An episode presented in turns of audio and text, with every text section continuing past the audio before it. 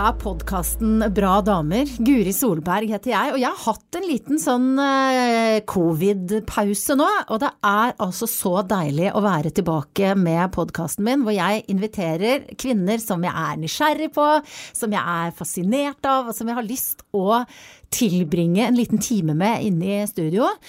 Eh, og dama som nå sitter foran meg, hun er jeg kjempenysgjerrig på. Hun har liksom vært der veldig lenge som eh, verdens beste håndballkeeper.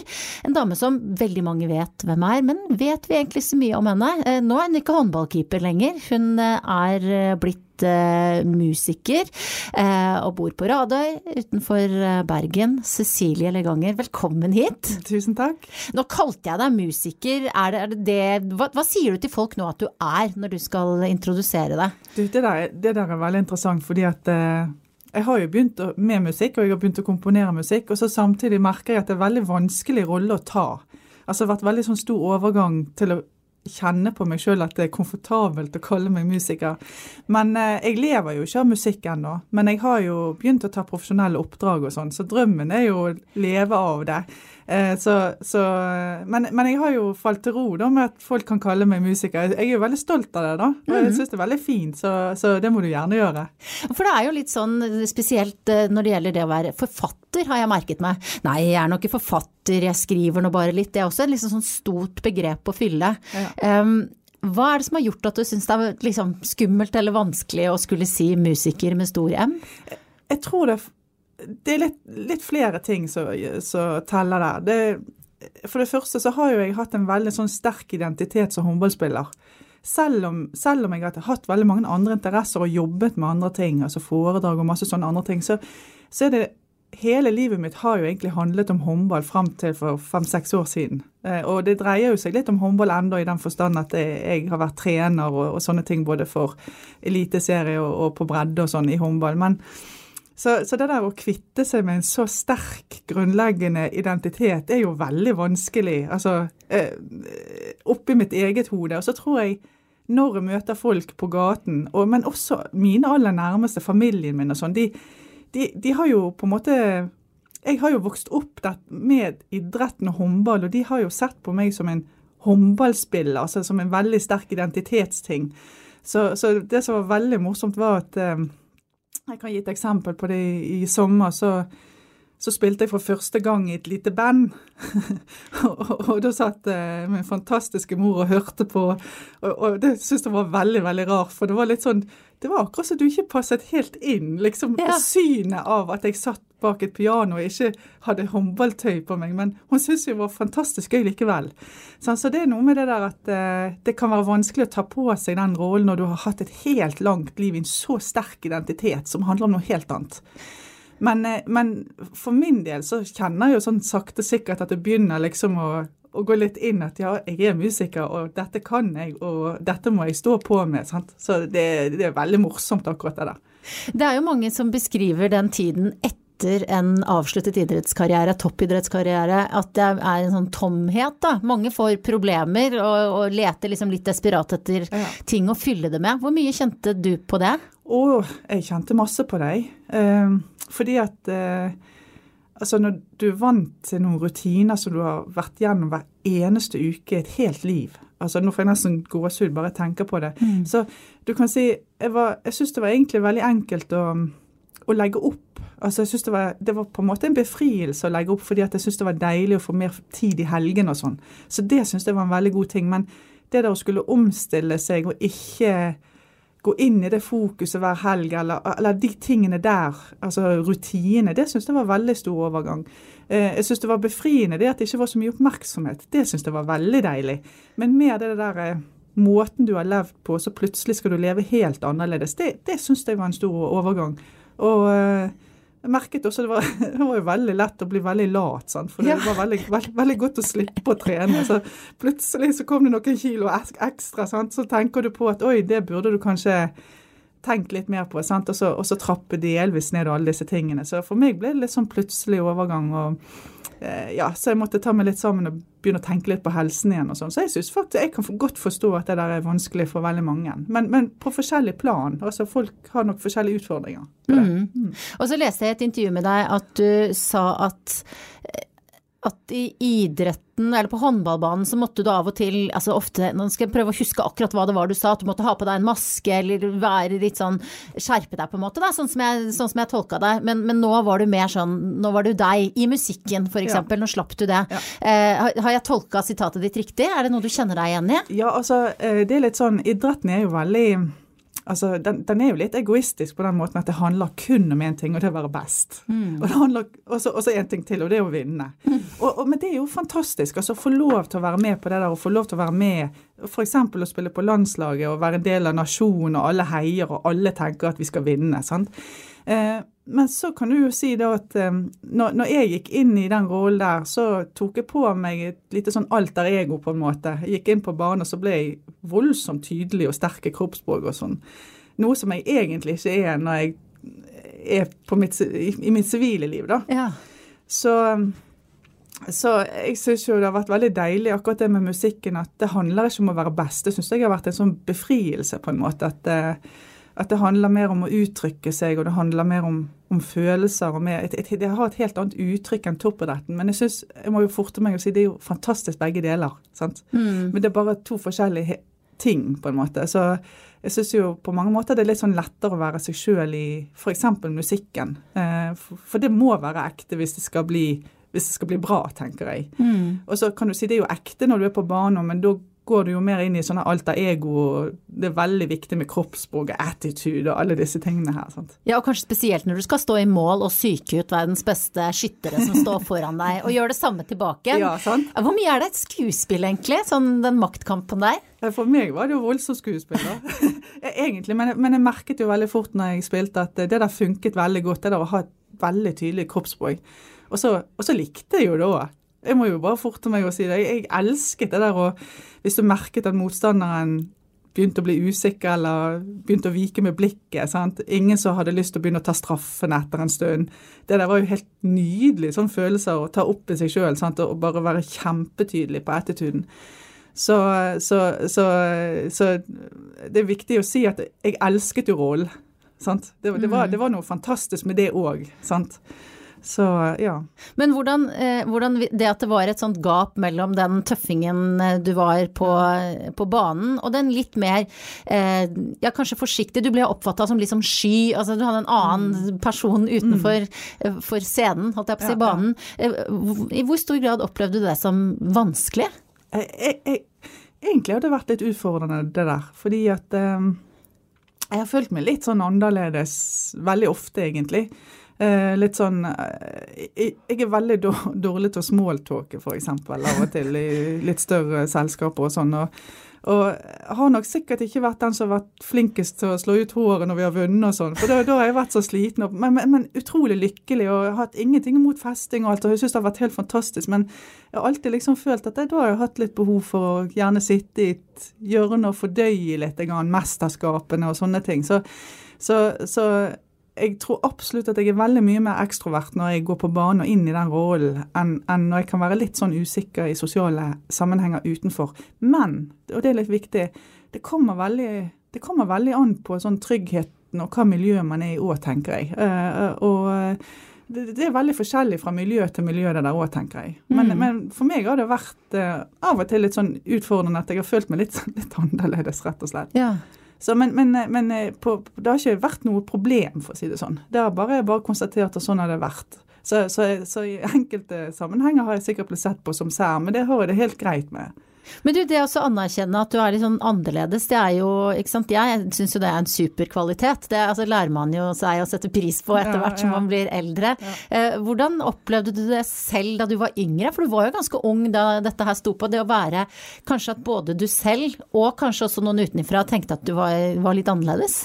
Ja, altså Jeg merket jo allerede sånn i oppveksten og sånn, så var det jeg forsto ikke helt det der at eh, jeg kom på ungdomsskole, så ville jo alle ut og feste og være mest mulig sosialt lag. Da hadde jeg lyst til å være hjemme. Ja. det det, og det syns jeg er litt sånn rart å tenke på nå i voksen alder. Hvorfor var det sånn, liksom? Men, eh, men, det var meg, liksom, i et nøtteskall. Og veldig mange eh, Jeg husker jeg begynte i et, et lite lag som heter Løvham på håndball. og da var det veldig sånn at jeg søkte veldig mot voksne, og likte å sitte med de voksne og prate. Det, det, var mm. der jeg likte å være. Mens de andre var ute i full fart og hoiet på kveld og kom for seint tilbake igjen og fikk beskjed om at de måtte holde tiden seint på kvelden og sånn, sant? når vi var på cuper og sånn. Men da likte jeg å sitte og prate, liksom, med de voksne. så, så, ungdomstiden var jo litt sånn annerledes på mange måter. Og det, trenerne var jo veldig opptatt av det der, og sa også til mine foreldre at jeg holdt meg veldig med de som var litt eldre enn meg, da. Men det var jo ikke noe galt i det. Var bare, det var bare der jeg søkte litt trygg, trygghet, rett og slett. da. Så, så, jeg har jo opplevd det der litt sånn jeg, jeg, tror jeg var veldig når jeg fikk en sånn voldsom suksess på, på landslaget og sånn, så var det jo litt sånn uttrykk på den måten at det var Jeg følte meg litt sånn bombardert av sosiale stimuli og mediestimuli og alt mulig fra alle kanter. Jeg var helt sikkert ikke helt klar for det trykket som kom. Jeg var veldig opptatt av å på en måte please hele verden og eh, trodde at jeg skulle bli likt av alle. Det er jo en umulighet. Mm. Det vet jo man når man vokser seg litt til og blir litt mer voksen. Sant? Så um, så det har, skapte jo litt trøbbel for meg i starten av karrieren før jeg egentlig fant ut hvem jeg var, tror, tror jeg, da. Sånn som jeg mm. har tenkt i ettertid. Mm. Og, og, hvis du skal svare på spørsmålet som du nå nesten stilte, eh, hvem er du nå? Eh, jeg tror i hvert fall jeg jeg er en dame med stort indre trygghet på meg sjøl. Det, det, vil jeg si. Altså, jeg, jeg vet hvem jeg er. Og, og, jeg liker meg sjøl, og det, det, er jeg veldig stolt av å si. Altså, jeg, jeg, har falt til ro med den jeg er. Altså, jeg vet jeg pleier å si at eh, jeg har noen gode kvaliteter, og så har jeg noen mindre gode kvaliteter. Altså, det er litt sånn du er god på det og det og det, og så er jeg litt mindre god på det og det og det. Og, og, og det å ha trygghet på de tingene man er mindre god på, gjør jo til at man lever veldig godt med seg sjøl. Og så tenker man at ja, men det er ting jeg jobber med, altså, så jeg kan bli bedre på. Så, så, jeg er veldig glad for akkurat det der med den indre tryggheten, at jeg, at jeg har en god ro med hvem, hvem er Cecilie i dag. Mm. Eh, og og av, av og til, sant, hvis det er veldig mye sånn Jeg kan, jeg kan jo bli litt, eh, litt, sliten hvis det er veldig mye sånn sosiale sammenhenger og sånn, men da, i dag merker jeg at det, det, koster ingenting å si at nå må jeg ta meg en liten hvil eller melde meg litt ut. Og så er jeg veldig sosial igjen og melder meg inn igjen når jeg er klar for det. Men du, den tryggheten som du beskriver nå, eh, når oppdaga du at du hadde den? Kom, kom, det gradvis, eller var det sånn en situasjon hvor du bare ok, Altså, Jeg tror det kom egentlig litt sånn gradvis eh, også gjennom idrettskarrieren. At uh, det er klart at når jeg la opp når jeg var 20 år og var sikker på at jeg aldri skulle spille håndball igjen, og da var jo jeg på et plan hvor jeg var helt i verdenstoppen, så, så, går jo du gjennom en prosess eh, på å prøve å komme deg på beina igjen på en måte, og du lærer veldig mye om deg sjøl. Og så ble jo jeg veldig jeg ble veldig nøye med hva miljøer jeg søkte. Eh, så, så, jeg tror eh, den utdanningen jeg egentlig fikk etter jeg kom tilbake på håndballbanen og jeg reiste ut i Europa, det var en helt fantastisk utdanning for meg sånn rent sosialt sett. Så da ble jeg mye tryggere på meg sjøl og hvem jeg var. Så var jeg veldig mye flinkere til å være tydelig på hvem jeg var, ikke minst. Så jeg tror egentlig det ble en sånn slags modningsprosess over mange, mange år som, som gjorde at jeg fikk større trygghet på de tingene der. Så så jeg pleier å si jeg syns det er veldig deilig å ikke være 20 lenger. Jeg syns, det var litt tøft å være 20, 20 eh, rundt der. Og så jeg syns det egentlig er godt å være litt mer moden og lært de der tingene og fått, fått sånn god trygghet på de tingene der. Men har du lært de av deg sjøl? Eh, nei, jeg må jo si det at eh, jeg tror det som er veldig viktig når man eh, går på trynet i livet, det er jo å ha gode folk rundt seg. Og eh, jeg må jo si jeg har lært utrolig mye av min samarbeidspartner og tidligere trener Olvar Bjørnestad, som har stått last og brast med meg. Han var vel kanskje en av de som skjønte eh, hva type jeg var. å, ha, ha, noen rundt deg som forstår hvem du er, det er veldig, veldig viktig. Og ehm, så, så eh, jeg pleier alltid å si når, hvis man har tøffe perioder i livet, så søk mennesker som vil deg vel, og, og kanskje folk som, som tar deg for den du er. Så jeg har vært veldig heldig med, med, akkurat det. For jeg tør ikke tenke hvis jeg har stått helt alene oppe i det over 20 år og lagt opp og aldri ville sette en fot i en håndballhall igjen, og alt det som følger med hvis man da på en måte kaster vekk et talent som man egentlig trives veldig godt å ha. Sant? Det ville jo vært en tragedie hvis, tenker jeg, hvis, hvis jeg ikke hadde fått gleden av å drive idrett igjen, f.eks. Så, så Oddvar har jo betydd enormt mye på sånn, la meg si, sånn sosial trygghet og det der å og, la meg få lov til å være den idrettsutøveren med de særhetene jeg har hatt. Mm. Så han har vært veldig flink å støtte meg på de tingene da, opp igjennom mange år. Så det, det har betydd veldig mye. Og så har det betydd veldig mye det at jeg har truffet veldig sterke personligheter ute i Europa, som f.eks. Hvis, hvis folk husker Anja Andersen, Røde Anja. Om vi gjør! og jo en meget fargerik dame. sant? Og det er klart det å liksom skulle inn igjen i håndballsirkuset når jeg da begynte opp igjen der i ungdommen. og å komme på et lag som Anja spilte. Hun var jo veldig flink å gå foran med attitude, sant? og var veldig flink i å drite i hva omverdenen tenkte om henne. Altså, Det var jo avisskriverier om hun opp og ned i mente. Og det er klart Å få lov å se hvordan hun taklet de tingene, var jo for meg veldig lærerikt. For det handlet litt om man, man, man, må drite i hva folk tenker. Altså det, det viktige er de som du bryr deg om. Mm de du ønsker å få råd fra, de du er glad i, de du elsker. Det er jo det som er viktig. Så, så der, Jeg har møtt noen spillere som har vært veldig viktige for meg akkurat på de der områdene der. Og jeg vil jo tro at du eh, med dine erfaringer også er, eh, har mange gode råd å komme med. Jeg har skjønt også eh, at du, med også din medisinutdannelse i ryggsekken, har brukt disse erfaringene til å, til å hjelpe andre. Du, på hvilken måte har du gjort det? Jeg har jo Altså, jeg, jo, eller jeg, jobber jo i noe som heter Nylivskrefter, og der har vi en del ungdommer inne som vi støtter. F.eks. For i forhold til å, å, holde litt ekstra på arbeidsplassen sin og ikke falle ut av jobb. For, for, altså, mange forskjellige ting. Og det kan også gå på mentale ting. Og, og det er klart det der å F.eks. For i forhold til selvtillit og en indre ro på hvem du sjøl er, og det der å skulle motivere seg i gang, tror jeg er veldig viktig for alle mennesker. og på mange måter prøve å tilrettelegge for motivasjon i sitt eget liv. Og det er ikke alltid lett. Og det er veldig Ofte så handler jo det om hvordan man ser på seg sjøl, sitt eget selvbilde, og det der å, å på en måte skape en selvtillit gjennom aktive handlinger. Og all motivasjon starter jo med en positiv forventning. Og dette er jo ting som jeg har egentlig vært så heldig fått lært gjennom idretten og lært gjennom et fantastisk samarbeid med min keepertrener Oddvar, som, som, er veldig inne på dette med mentaltrening og sånn. Så, så, å få lov til å kunne formidle videre den kunnskapen faktisk til gjerne unge mennesker som, som, virkelig trenger det, det er jo en fantastisk ting, tenker jeg. Mm. For, for, jeg tror vi trenger redskaper, egentlig alle mann, i en krevende hverdag. Og, og ingenting er jo bedre hvis man ser at unge mennesker klarer å holde gjerne på en skoleplass, eller klarer å fullføre et semester, eller eh, holde på jobben sin, eller komme seg litt videre. Sant? Jeg tror veldig mange av de samme mekanismene eh, gjelder der som i idretten, f.eks. Mm. Jobba du noen gang som lege, forresten? Nei, Nei. jeg gjorde ikke det. og det er det har også vært sånn her vanskelig bøyg for meg, fordi at jeg har jo dratt på det medisinstudiet rundt halve Europa, føler jeg. Jeg, jeg, jeg har lest, lest medisinstudiet, pleier jeg å si, i hattehyll på et fly. Ja. Og det har vært utrolig tøft, for det eh, jeg har jo følt at jeg har halset etter uh, i hvert eneste semester. Så var det om å gjøre å nilese de siste nettene sånn frem til eksamen. Og, men like fullt så var jo kravene akkurat like strenge for meg som for alle andre som tok studiet. Og det er klart, det, var, det, har vært et slit. Det har vært et slit i mange år. og Selv om jeg egentlig fullførte alt av praksis og faktisk full, fulle seks år og kunne nesten ja, jeg kunne nesten gått ut i jobb, så har jo jeg valgt en annen vei, da. Og det har jo vært en veldig sånn tøff avgjørelse. For det der å innrømme til omverdenen at uh, jeg egentlig ikke ville det nok. Ja. Det har vært ganske, ganske, ganske sånn tøft i starten. Ikke nå, men det var veldig vanskelig for meg å si at jeg har egentlig ikke lyst til å arbeide som lege. Hvorfor ville du ikke det?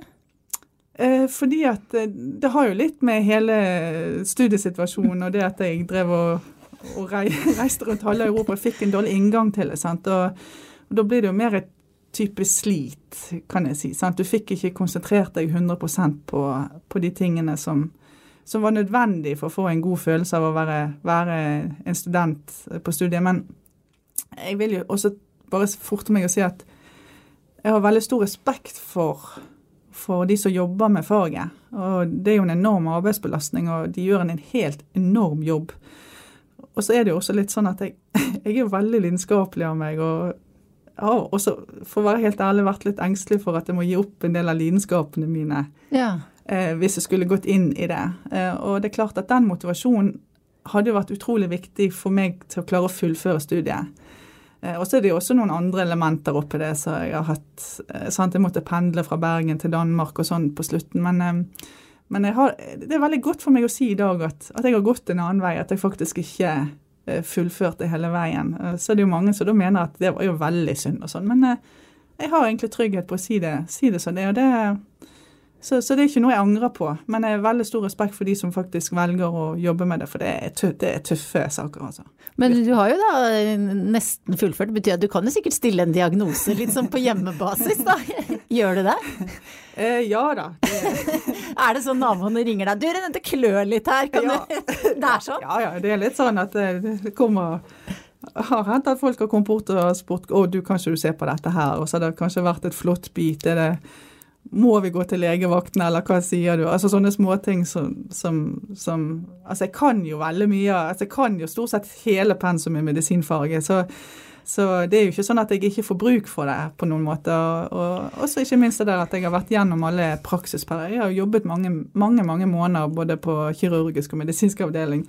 Så, så jeg føler jo absolutt at det er noe som som kommer veldig godt til nytte. Og ikke minst det der når man mø i møte med andre mennesker, så jeg syns det er fantastisk å ja, både i forhold til kommunikasjon og sånne ting. Sant? Så det er absolutt ikke noe jeg har kastet bort, for å si det sånn. Hvis noen eh, sier er det en doktor om bord, er det en lege om bord når du er på fly, reiser du deg da, eller? Eh, venter du og ser? Jeg venter litt og ser, og det har jo skjedd flere ganger. Det har det? Ja, ja, det har det. Jeg venter litt og ser, og hvis det da ikke er noe, så melder jeg meg selvfølgelig med en gang. Men, eh, men det, det ville jo vært veldig synd hvis ikke det var noen ja. medisinsk kvalifisert, og så sitter jeg der med, med ganske høy kompetanse. Sant? Så det er mm. klart, da har jo man jeg har, jeg, har, jeg har, vel ikke noe plikt lenger til det, men, eh, men, eh, men jeg er veldig flink å stoppe og sånn hvis det har vært trafikkulykker. Og sånn, for det, ja, selvfølgelig. Å vurdere om folk har fått hodeskader og sånn har jeg gjort. Så, så ja. Så det er jo veldig, veldig, veldig fin kompetanse å ha med seg, selv om jeg ikke jobber med det. da. Men det du altså fyller eh, mye av livet ditt med nå, Cecilie, det er uh, musikk. Ja. Hvordan, uh, hvordan, ble det sånn at du begynte å spille? Uh, det begynte vel Altså Jeg har alltid spilt. altså Hjemme hos oss i familien så har vi alltid hatt veldig mye musikk fra jeg var liten av. Og det var veldig mange som trodde at jeg kom til å gå veien via musikk og bli musiker og sånn. Har jeg fått høre sånn i ettertid, da. Eh, men så var det jo sånn at idretten grep meg. sånn at det ble jo egentlig aldri tid til å spille så veldig mye og sånn. For jeg var jo helt inne i idretten og elsket jo å holde på med alle mulige idrettsgreiner. Og så, og så har jo eh, Så tok jo toppidretten meg, og da Det er jo en historie som er vel kjent, på en måte. Og så, eh, når jeg da sluttet, å, sluttet med den håndballkarrieren, så eh, var det jo en god venn av meg eh, som satt med noen tekster. Så han hadde en drøm om å lage musikk til. Eh, og så plutselig bare glapp det ut av meg at ja, men det kan jo jeg gjøre. Og så måtte jeg tenke meg om, og så tenkte jeg Sa jeg at jeg kunne lage musikk, liksom? Det har jo jeg aldri gjort før. Og det er jo ikke mer enn fem-seks år siden. Og så tenkte jeg ja, det sa du, da må du bare stå for det. Og så sa kameraten min at ja, kan du det, da?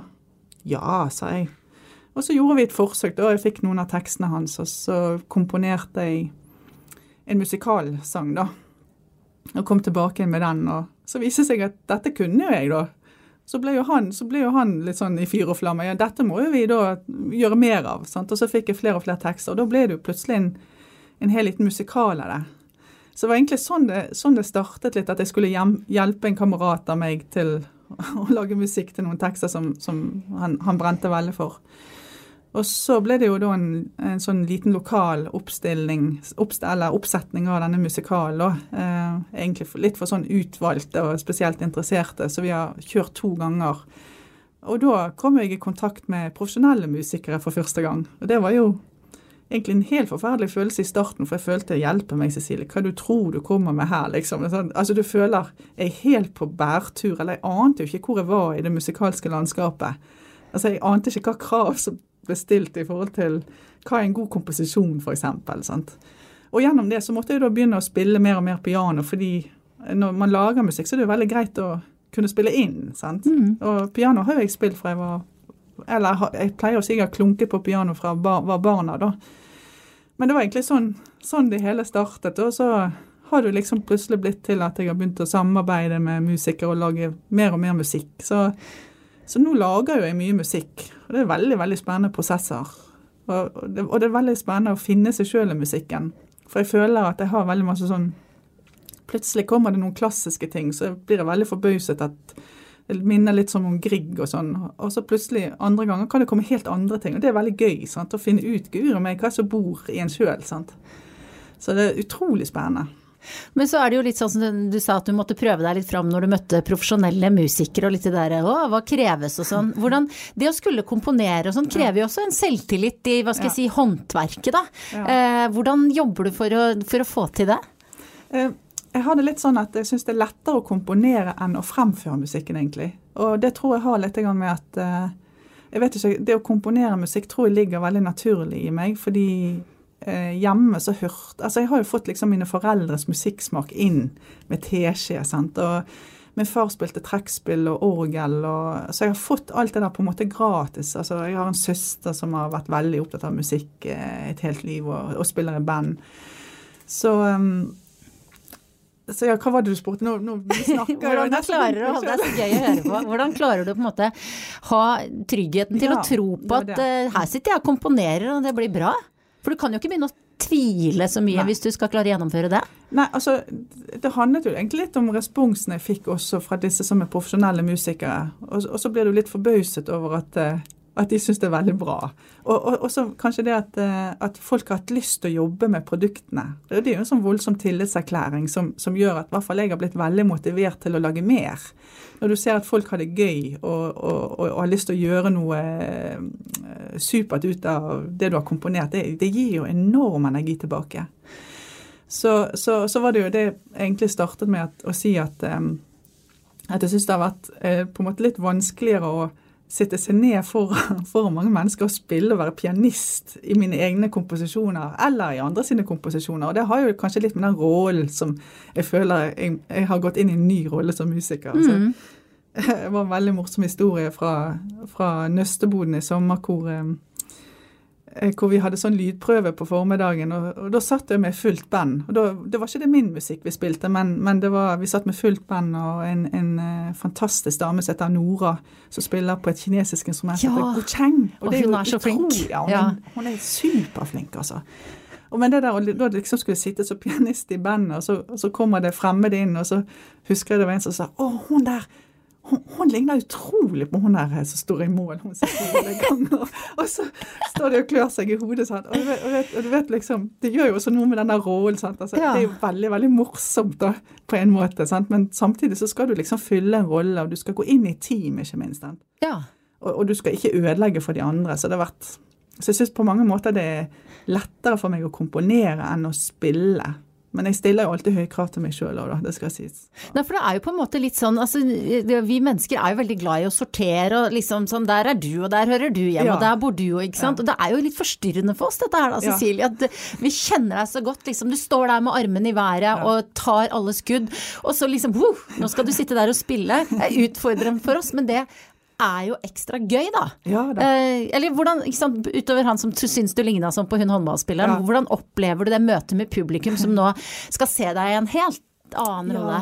Du, jeg syns det er veldig gøy òg. Altså, det er gøy for det er så surrealistisk, på en måte. Så, så, det var jo også Jeg spilte i, i Fana kirke på et uh, jubileum um, her i fjor uh, høst. Og, og da, var det, da, var det, nettopp det som du sa, det var en som kom bort til meg og så sa han han syntes det var så utrolig gøy å studere når jeg spilte på dette store flygelet i kirken. fordi når jeg spilte, så spilte jeg med voldsomme sånn følelser og veldig myke bevegelser. og det var alt, alt hadde en sånn soft tone. sant? Mens han var vant til å se meg sånn hyle og skrike i et håndballmål med masse aggresjon og temperament. Og, og, det er veldig artig å høre liksom når folk blir veldig forundret, og at det går an å ha så forskjellige uttrykk. Så, um, og da fikk, fikk jeg faktisk et oppdrag på bakgrunn av det. da. Oh, ja. Ja, så, men eh, det, så, så jeg syns jo det er veldig artig, jeg må jo si det. Veldig, mm. Og veldig gøy at folk legger merke til at det, det, går an, at man har mange flere fasetter i seg sjøl, eller uttrykk i seg sjøl enn bare liksom Ja, for, for, min del bare den håndballkeeperen Leganger, da. sant?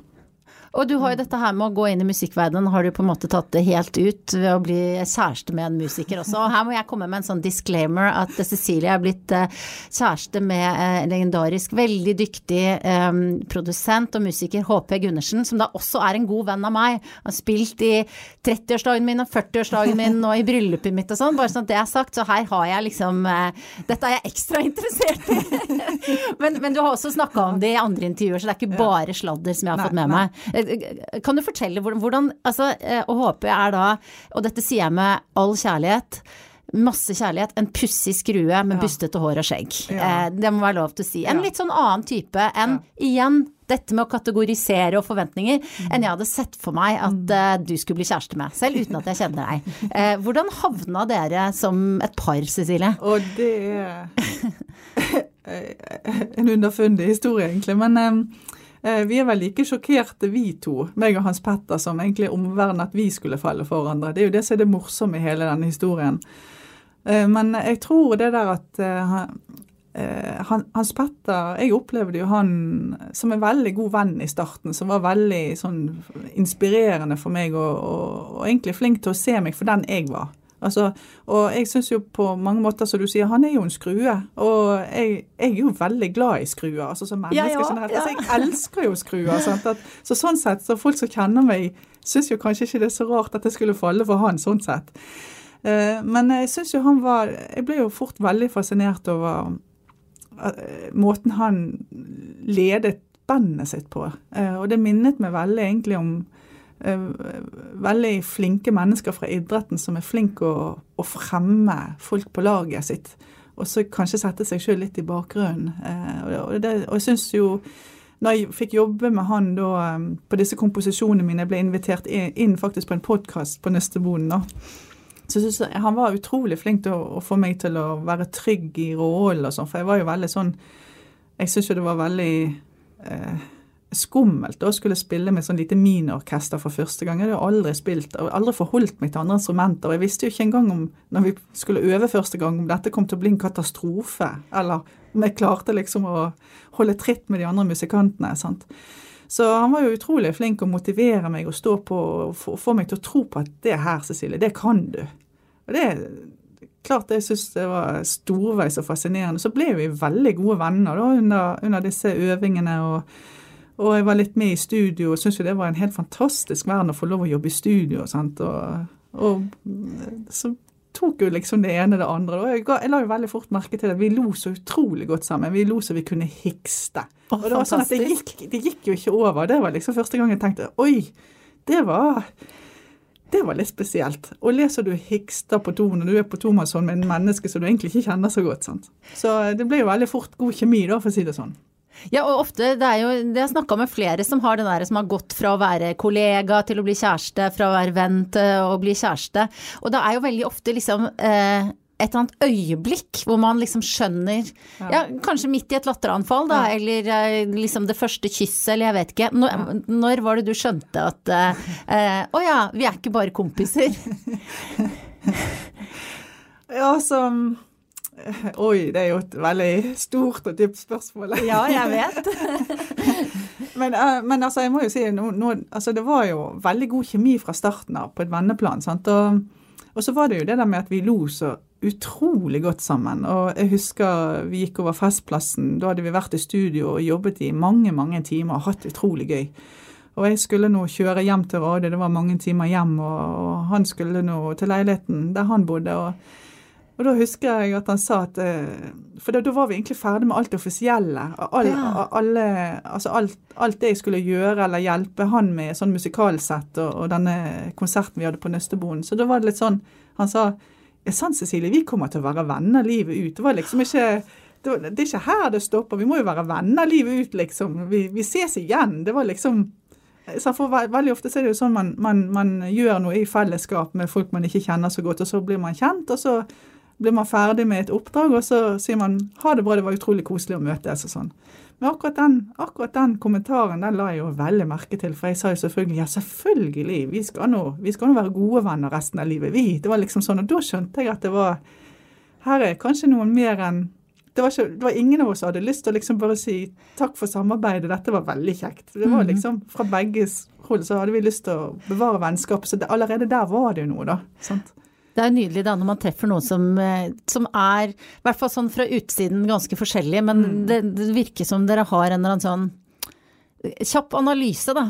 Ganske, at dere er veldig sånn lidenskapelig opptatt av ting. Ja. Eh, altså, nerd er jo en negativ måte å si det på, men liksom gå inn i ting, sånn som du har gjort med musikken, ja. og håndballen for den saks skyld. Eh, er det andre ting dere kan nøle sammen på enn på musikken? Ja, vet du hva, vi nerder sammen på ganske mye, egentlig. Og jeg syns ikke nerd er noe Nei. negativt ord. Altså, Nei, litt altså, hedersbetegnelse òg, da. Eh, ja, jeg syns det der er helt supert når folk tør å nerde å være seg sjøl. og, og, og og bare si, si, ting som det. Og en av de tingene som Hans Petter er veldig opptatt av, det er jo egentlig eh, det er boksing. Og nå er ikke jeg så veldig interessert i boksing sånn som han er, men det, er, det vi har felles med det, vi er veldig interessert i kroppsspråk og, og, og, det, og, spesielt i forhold til trenere og sånn, og hva trenere sier til utøverne sine i forhold til å motivere utøverne sine og få frem det beste i folk. Sant? Så vi, vi, kan jo sitte og diskutere kroppsspråk spesielt hjemme hos oss. Og,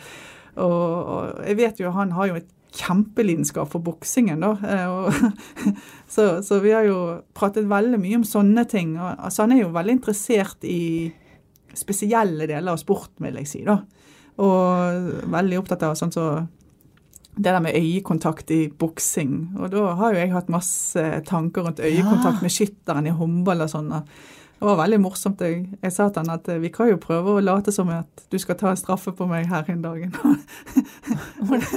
så da stilte jeg han opp i stuen, og så så jeg han inn i øynene. Da og da sa han bare 'oi, helsike', sa så, så vi har noen sånne felles nerdeting som vi, vi, er opptatt av. Spesielt sånn som har med menneskelige egenskaper og kroppsspråk og hvordan vi oppfører oss i forhold til hverandre. Ja. Alt, alle sånne ting som har med respekt å gjøre. Vi har mange felles, og det, det går jo litt sånn på verdier og sånne ting. da, så, så vi, og det er jo helt rett som du sier, vi er veldig lidenskapelige begge to på veld, veldig mange forskjellige ting, egentlig. Også, mm. da. Og gir, gir jo rom til hverandre på de tingene. Jeg har forresten et eh, veldig fint bilde av Hans Petter og Steffen Tangstad. Oh. Da Steffen Tangstad var med i Skal vi danse, var jeg programleder. Og eh, HP var i byen sammen med min mann for å spille konsert, og de fikk komme opp på generalprøven. Og den igjen, eh, litt eh, Vår gode venn da, HP med litt bustete hår og skjegg, som jeg allerede har sagt, oppi det glamorøse studio ved siden av Steffen Tangstad, som er liksom dobbelt så stor som han på alle måter, i sånn eh, sånn der pingvinkostyme. Eh, det, det, var altså to verdener som møttes, men der også er det jo da Han er jo så Han var helt starstruck på grunn av den lidenskapelige opptattheten av boksing. Ja ja, det var litt sånn HP-hjørne inni denne podkasten som egentlig handler om deg, Cecilie.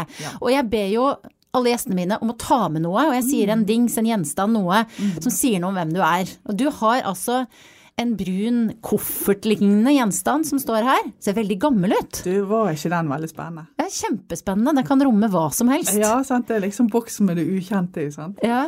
Nei, vet du hva. Altså, med en gang du sa jeg skulle ta med meg noe, så tenkte jeg nei, den skal jeg ta med. Så nå åpner jeg her, da. Du hører også at det er gammel lyd. Ja. Du hører lyden ja. er sånn. Og så oppi der, skjønner du. Her er det et instrument. Dette, dette, dette, er så nydelig. Oi, oi, oi. Det er et, eh, er det, dette er da et lite trekkspill. Eller heter det noe annet, dette her?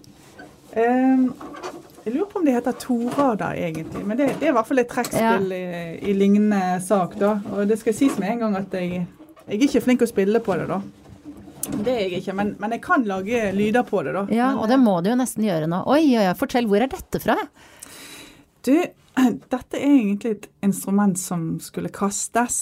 Og det er jo et, egentlig en antikk gjenstand. Men hvis du ser hvor nydelig det er det, det er bare, det er bare sånn, det, For meg er det her et smykke. Ja. Uh, og dette trekkspillet har jeg fått av min bror. Du må ta bilde av deg med det, til og med, for det var sant, så fint. Sant, det Ja, var nydelig. du har fått av broren din? Ja, og han, eh, så han tenkte at eh, nei, det måtte han sikre seg før det kom på brystungen. da. Så, og så ga han det til meg. Og dette trekkspillet står jo da oppå pianoet mitt hjemme, og egentlig et veldig godt symbol på at jeg, jeg Det er flere ting, da, men jeg, jeg elsker jo alt sammen musikk å gjøre. Og musikkinstrumenter. Og faktisk så spiller jeg litt trekkspill sjøl. Ja. Men ikke akkurat dette, for det er så gammelt at det, og det må helt sikkert repareres for at jeg skal klare å spille på. ja. Men, eh, men så er det noe med det at jeg er veldig glad i I tillegg til musikk så er jeg veldig glad i, i gamle ting. Og spesielt gamle ting som man tenker har en historie. Og så kan man begynne å tenke på hvem som har spilt på dette trekkspillet. sant? Det er jo helt herlig å tenke på. Um, og tenk om det har vært lagd musikk på det. Komponert musikk. sant? Og jeg er jo veldig sånn jeg kan filosofere over hvor gammelt det er, og jeg tror det er veldig, veldig, veldig, veldig gammelt. og jeg koser jo meg halvt til bare på at det står oppe på pianoet når jeg lager musikk sjøl. ja, det skjønner jeg. Der står det da et instrument som det har vært spilt musikk på, som har en historie. Kanskje hadde hatt mange eiere. Og det står oppe på pianoet som et smykke. Og jeg koser meg med å ha det der hjemme. Så, så det er jo mer sånn Og pluss at jeg tenkte det at et veldig godt bilde på sånn som jeg har hatt det hjemme i barndommen.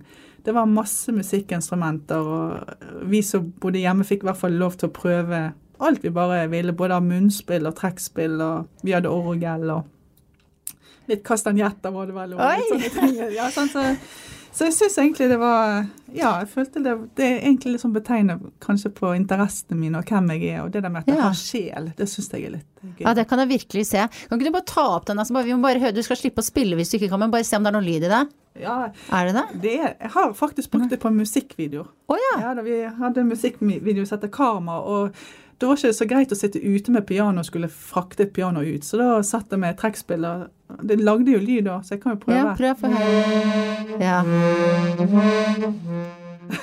Så du hører det litt i ustand, men det som er fantastisk med sånn trekkspill, det er jo Jeg elsker jo klangen av trekkspill. Det er så nydelig. Og noen av de flotteste musikkstykkene jeg vet om, det er jo musikken til f.eks. denne filmmusikken til Gudfaren. Ja, ja. Denne kjærlighetshymnen der trekkspillet kommer inn. Det er jo, jeg elsker jo sånn musikk som er romantisk med trekkspill og sånn. Så Så kanskje når det repareres, kan du spille det på det? kanskje det. Ja, det var utrolig fint. Og nå har vi jo eh, skjønt det, Cecilie, at sant, eh, håndballkarrieren er et tilbakelagt stadium likevel. Eh, du har jo nå da nettopp vært på en TV-innspilling som vi ikke skal snakke noe særlig om, fordi det kommer ikke på TV ennå. Men du har gått inn i da, om ikke Altså du er jo da gått inn i rollen som eh, toppidrettsutøver som har lagt opp, Mm. for du har vært med i eh, Ikke helt ukjente Mesternes mester. Eh, bare Hvordan var det egentlig? Du har ikke lov, det var liksom sperrefri, det er ikke lov å prate om det, men du har sikkert lov å si hvordan det var. Ja, vet du hva? Eh, en fantastisk opplevelse. Virkelig. Og eh, må bare si det at jeg har vært litt sånn Jeg har jo vært litt tilbakeholden og litt grann eh, beskjeden kanskje med å si ja til sånne ting, og eh, ha, hatt et litt tilbaketrukket liv. Men jeg merker dette med musikken. Det har gjort litt sånn med meg at jeg har egentlig begynt å bli litt mer utadvendt og begynt å si ja til en del ting og sånn. Så, Ja. så da jeg tror ikke det var helt tilfeldig at jeg sa ja til det denne gangen. Jeg har jo blitt spurt flere ganger, så det var utrolig gøy. Og det da å bli kjent med de utøverne på settet som er i år, det har jo vært utrolig spennende. Det er jo så sterke personligheter alle sammen. Så, men når det er sagt, så har det vært knallhardt. og det tror jeg Ja. alle som var med i år. Jeg tror, eh, jeg tror det vært knallhardt for alle, så det kan jeg si med god samvittighet. Så det var for meg som da eh, kan jeg si, var litt utrent en stund, da, for jeg syns det var så deilig å slippe å trene. Så var det jo en, en eh, god motivasjon for meg til å eh, ta på meg løpeskoene igjen og komme meg litt i form. da. Eh, så så det, var, det var knalltøft fysisk, men eh, sånn sosialt sett så må jeg si at det har vært en veldig, veldig god opplevelse for meg. Jeg gleder meg til å se på. Jeg gleder meg til å se deg sitte i den der 90-graderen og bære sånne der sandsekker og konkurrere mot eh, andre store, sterke idrettsutøvere. Um, det er litt fram i tid. Um, jeg pleier å stille eh, alle mine gjester tre sånne kjappe spørsmål. Uh, hva spiste du til frokost i dag? I dag spiste jeg havregryn og, og med vaniljeyoghurt og eh, appelsin og eple og honning på. Det er favorittfrokosten min. Er det, har, du, er det, har du vaner på sånne ting? Er du liksom rutinemenneske? Eh, nei, det er jeg egentlig ikke. Jeg kan eh, spise Nei, jeg er ikke det. Jeg er veldig sånn eh, åpen for nye stimuli og sånn. Men akkurat nå så går det i det. Jeg vil heller si at jeg er sånn eh, periodemenneske. Nå går det i det. Ja, jeg skjønner. Så jeg finner noe annet. Ja, ja, sånn er jeg også. Eh, spørsmål to er hvor lang tid brukte du å finne ut hva du skulle ha på deg i dag? Og du har da en veldig sånn eh, en sporty genser, vil jeg si, strikkegenser med sånn skiløpermønstre på. Kanskje det er en gave fra et mesterskap eller sånn? Eller fra Mesternes mester. Nei, ja, det er faktisk ikke det. Det er en, eh, det er en gammel julepresang. Så det, nei, det brukte jeg ikke så veldig mye tid på. Så det brukte jeg sikkert bare noen minutter på å tenke at det, det var kaldt og surt. Jeg er veldig praktisk og veldig funksjonell av meg. Så da tenkte jeg da må jeg ha noe godt og varmt på. Så da ga det seg sjøl. Så det var fort gjort. Det, da tar jeg strikkegenseren. Den trives jeg godt i. Og så har jeg gravd ganske godt i livet ditt med HP. Siste spørsmål er enda mer privat enn det jeg har stilt Ja. tidligere. Vet du hva det er? Nei? Vet du hva jeg pleier å spørre om på slutten? Eh, nei, Nei. Når hadde du sex sist? Å, guri meg. Og dette er jo da igjen ekstra gøy for meg som, eh, og for oss som vet hvem hun da forhåpentligvis har hatt sex med, da. Og vet, vet dere det her er litt morsomt, for dette, dette er mitt nye liv. Og nå skal jeg svare deg ærlig. Ja, gjør det. jeg i går kveld, og det var fantastisk. Da jeg er så glad for å høre det. Og jeg er så glad på både dine og HPs eh, vegne. Eh, Det er innforstått at det var han du hadde sex med, men det regner jeg med. Blunk hvis det ikke var det. Ja, nei, det var det. Tusen takk for den, den nye åpne Cecilie Leganger. Det var veldig fint å snakke med deg, Cecilie. Takk for at du kom. Selv takk.